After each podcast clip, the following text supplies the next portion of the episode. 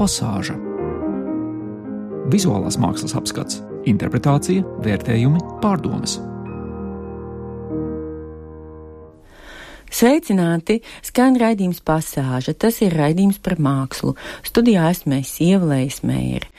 Šoreiz raidījumā skatīsimies Arņa Balčus personāla izstādi Latvijas fotografijas muzejā, Andra Brežas personāla izstādi galerijā Alma un Latvijas laikmatīgās mākslas centra izstādi kopīgā vēsture muzejā Rīgas birža.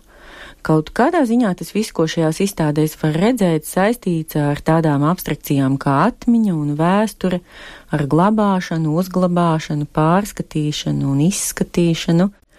Šai sarunai ar jums, dārgie klausītāji, izvēlos sarunu kā vienu no daudzajām mākslas uztveres metaforām, tad vēl, lai norientētos, palasīju, ko Boris Grojs raksta grāmatā Mākslas vara. Viss cits starpā viņš raksta.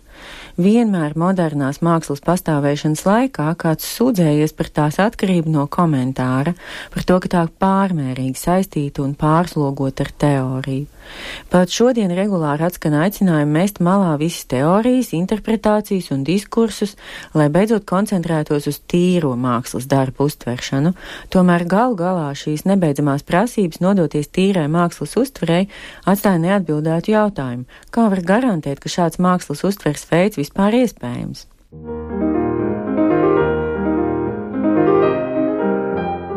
Pasāža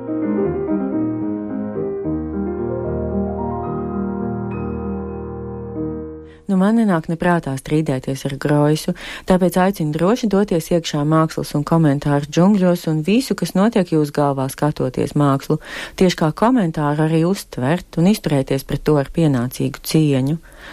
Tātad šai mūsu iztēlotajā sarunā nu, piekritīsiet tas, ka tā ir iztēlota, neļaus nevienam teikt, ka tās nav. Pirmais ierunājas Arnis Balčus. Savu personāla izstādi fotomuzejā viņš nosaucis par izstādi pēc izstādes. Izstādīto darbu apjoms šķiet ir tiešām ļoti apjomīgs, gandrīz viss, ko Arnis savā radošajā mūžā paveicis. Vismaz teksti, ko var izlasīt uz glītajām starptautisko sūtījumu kastēm, liecina, ka ir pārstāvēts vairākas mākslinieka darbu sērijas, kolekcijas. Ārnis Balčus ir fotogrāfs, līdz ar to esam droši kastēs jābūt fotogrāfijām. Par to liecina arī dažas, kas laikam izņemtas no kastēm laukā un kaut kur noliktas vai atbalstītas. Dažas var aplūkot caur burbuļu plēvi, dažas pat bez plēves, bet tas nav svarīgi. Īpaši pirmajā zālē Arnis Balčus neaicina apskatīt attēlus, bet ar visu, visu, kas nu tur redzams, jautā, kas gan notiek un notiks ar visiem uzņemtajiem un izstādītajiem attēliem. Godīgā atklātā anotācijā autors skaidro, ko grib pateikt ar izstādi, proti, kā aptvert, atlasīt, aprakstīt, kontekstualizēt, popularizēt, saglabāt un izstādīt fotomākslinieku radošo mantojumu. Šis jautājums izstādē, manuprāt, skan gandrīz vai izmisīgi, un gribas mākslinieku ātri mierināt, ka ir divi jauki un nepārspējami veidi, kā vispār kaut ko darīt, proti klusējot vai pīpējot. Mazliet izvērstāk atbild Andrejs Grāns, žurnāla fotokvartāls aptaujā par to, vai autors satrauc viņu darbu liktenis pēc izstādīšanas un vispār. Lūk, Granta tīri praktiskais mierinājums. Tā kā mani darbi nav liela izmēra, tad ar glabāšanu problēma nav. Pēc izstādēm tie tiek izrāmēti, lai nebūtu kaut kādas liekas ķīmiskas iedarbības no fona papīriem, kas lielākoties nav bezskābes un bojā darbus, un salikti attiecīgās kastēs un uzglabāti drošā vietā. Arī tīri filozofiski neredzu traģēdiju, pat tad, ja tu strādā tikai savam priekam un izrādās plauktam, kā Viviana Meijera vai dzēniece Emīlija Dikinsāne, kuru darbus atrod pēc tam, kad autoru vairs nav. Galvenais ir pašam rūpēties, lai taviem darbiem ir arhivāla kvalitāte, tad gan jau tie nekur nepazudīs.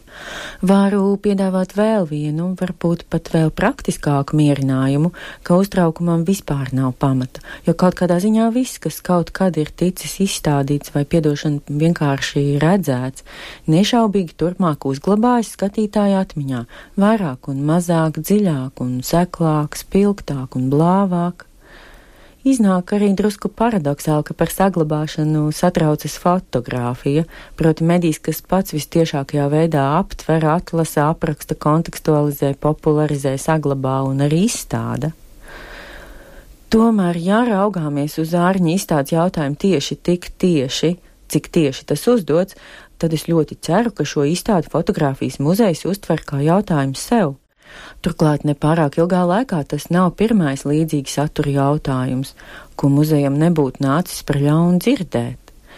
Iepriekš, pirms kādiem gadiem, trim turpat ar savu personāla izstādi muzeju izjautāja Ivars Grāvlējs. Izstādi sauca nezināmā Latvijas fotografija. Grāvlais, protams, jautājumu rīvāk, pancīgāk un agresīvāk un bez izmisuma. Balčus jautājumam ir cita intonācija, tāda klusa un pieklājīga. Tomēr tas ir jautājums šim muzejam, vienīgai pastāvīgajai valsts institūcijai, kas darbojas šajā jomā. Nu, jūs zināt, muzeja ir tādas iestādes, kur ne tikai uz postamentiem, vitrīnās un rāmjos, un, protams, arī krājuma kastēs, atvilknēs un aploksnēs glabājas visādi priekšmeti, bet eh, šais iestādēs vajadzētu būt arī cilvēkiem, kas nodarbotos ar eh, to ārņa minēto un ievaru noklusēto kontekstualizēšanu.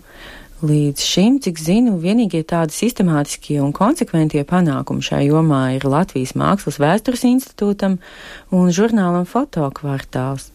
Turklāt atcerieties pirms tam, ka žurnāls nonāca internetā, tas bija godīgs glancēts papīra izdevums ar brīžiem pat ļoti interesantu saturu.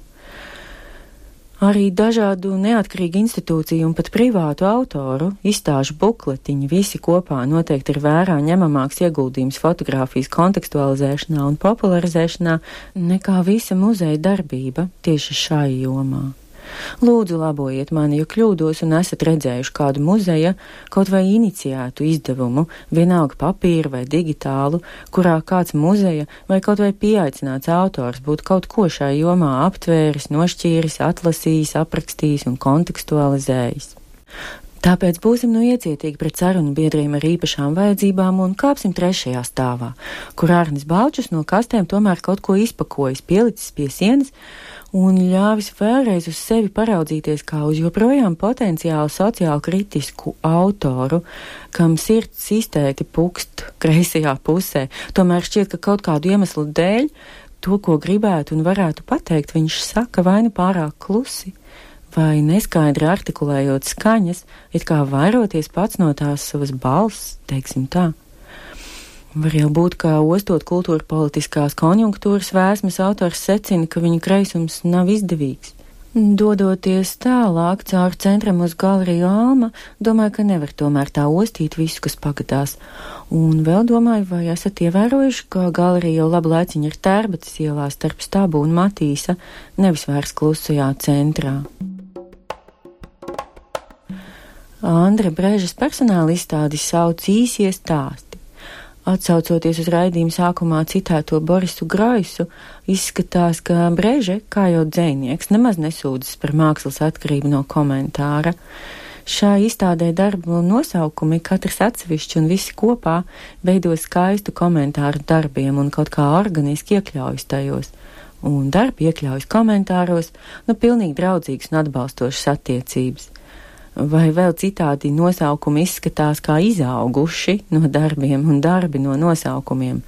Kas redzams? Nelielas smalkas konstrukcijas, par kuru gluži praktisko funkcionalitāti nav šaubu.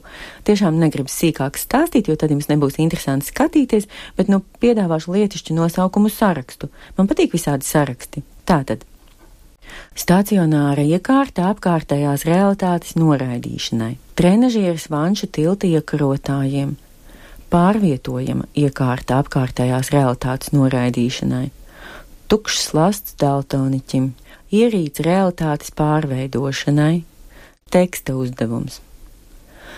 Ziniet, manuprāt, šo Andra Brežas iekārtu projektu īstenošana mērogā sniegtu reāli ieguldījumu tautsēmniecības attīstībā, bet Santa Hirša Brežas izstādē uzrakstījusi anotāciju, piedāvājot skatītājiem uzreiz vēl dažus kontekstus un komentārus, lūk šādu piemēram.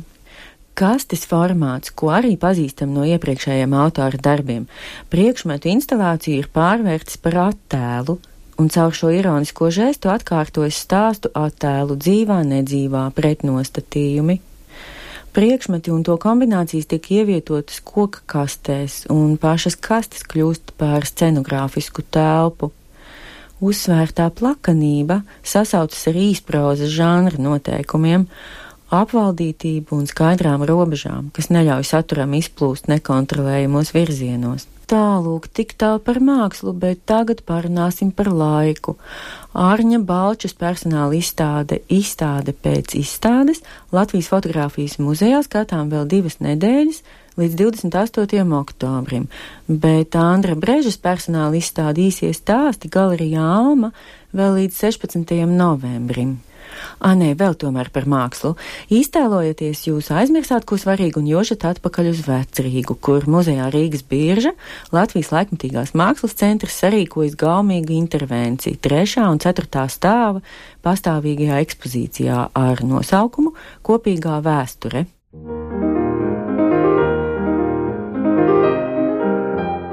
Pasāža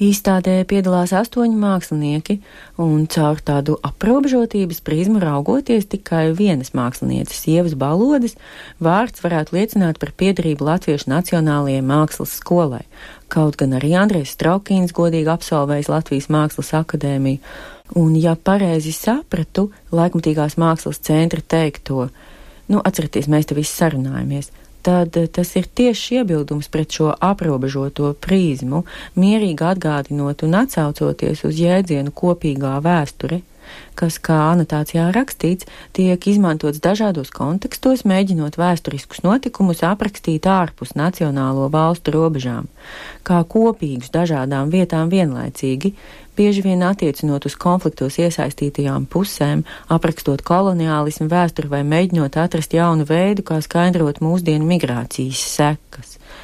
Pats muzejs Rīgas bieži savā ziņā atspoguļo vizuālās mākslas attīstības vēsturi Latvijā un parāda ne tikai valsts multikulturālo kontekstu, bet arī dažādas varas hierarhijas, kas aptver valsts un kultūras veidošanos. Iespaidīgākie likās Aleksēja Muraško darbi, lakoniskas piktogrammas, kameru obskurā atgādinošās kastēs, kurās attēlu un nosaukumi veido diezgan piņķerīgas vizuāli tekstuālas intrigas. Vēl izstādē bija liels prieks iepazīties ar Klēru Holtu. Par viņu te liecina 30. un 50. gadu fotografijas līdrāde uz muzeja sienas un grāmatas iztēlotās kopienas autora Bena Andersona teksts viņas piemiņai. Klēra Holta bija Latvijā dzimusi amerikāņu izcelsmes mākslas vēsturniece, žurnāliste, antropoloģija un Indonēzijas mākslas speciāliste. Dzīmusi pašā 20. gadsimta sākumā. 20. gadu sākumā pārcēlusies uz Ņujorku, ceļoja uz Indonēziju un nodarbojās ar Indonēzijas kultūras pētīšanu un popularizēšanu.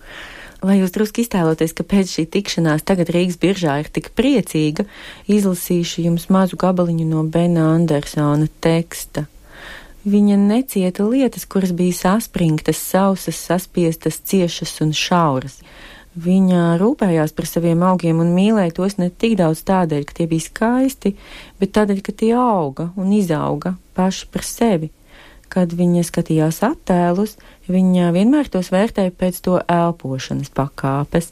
Ap lietām vajadzētu būt telpai, viņa mēdza teikt, un arī ap cilvēkiem. Bet šā izstādē Andrejs Trokina precīzā, delikātā un, protams, fotogrāfiskā intervence vizuāli polemizē par kādu paradoksu, proti, Andrejs izpētīs, ka lielākie muzeji vidēji izstāda apmēram 5% no krājuma, kurā darbi it kā ir visdrošāk pasargāt nākotnē, bet visretāk vai nemaz nav redzami publikai, kas bieži vien tomēr ir bijis to iegādes un uzglabāšanas mērķis. Nu, tātad tagad aiz trim izstādītajiem tēlniecības darbiem apskatāmas trīs neizstādītu un ietītu darbu fotogrāfijas.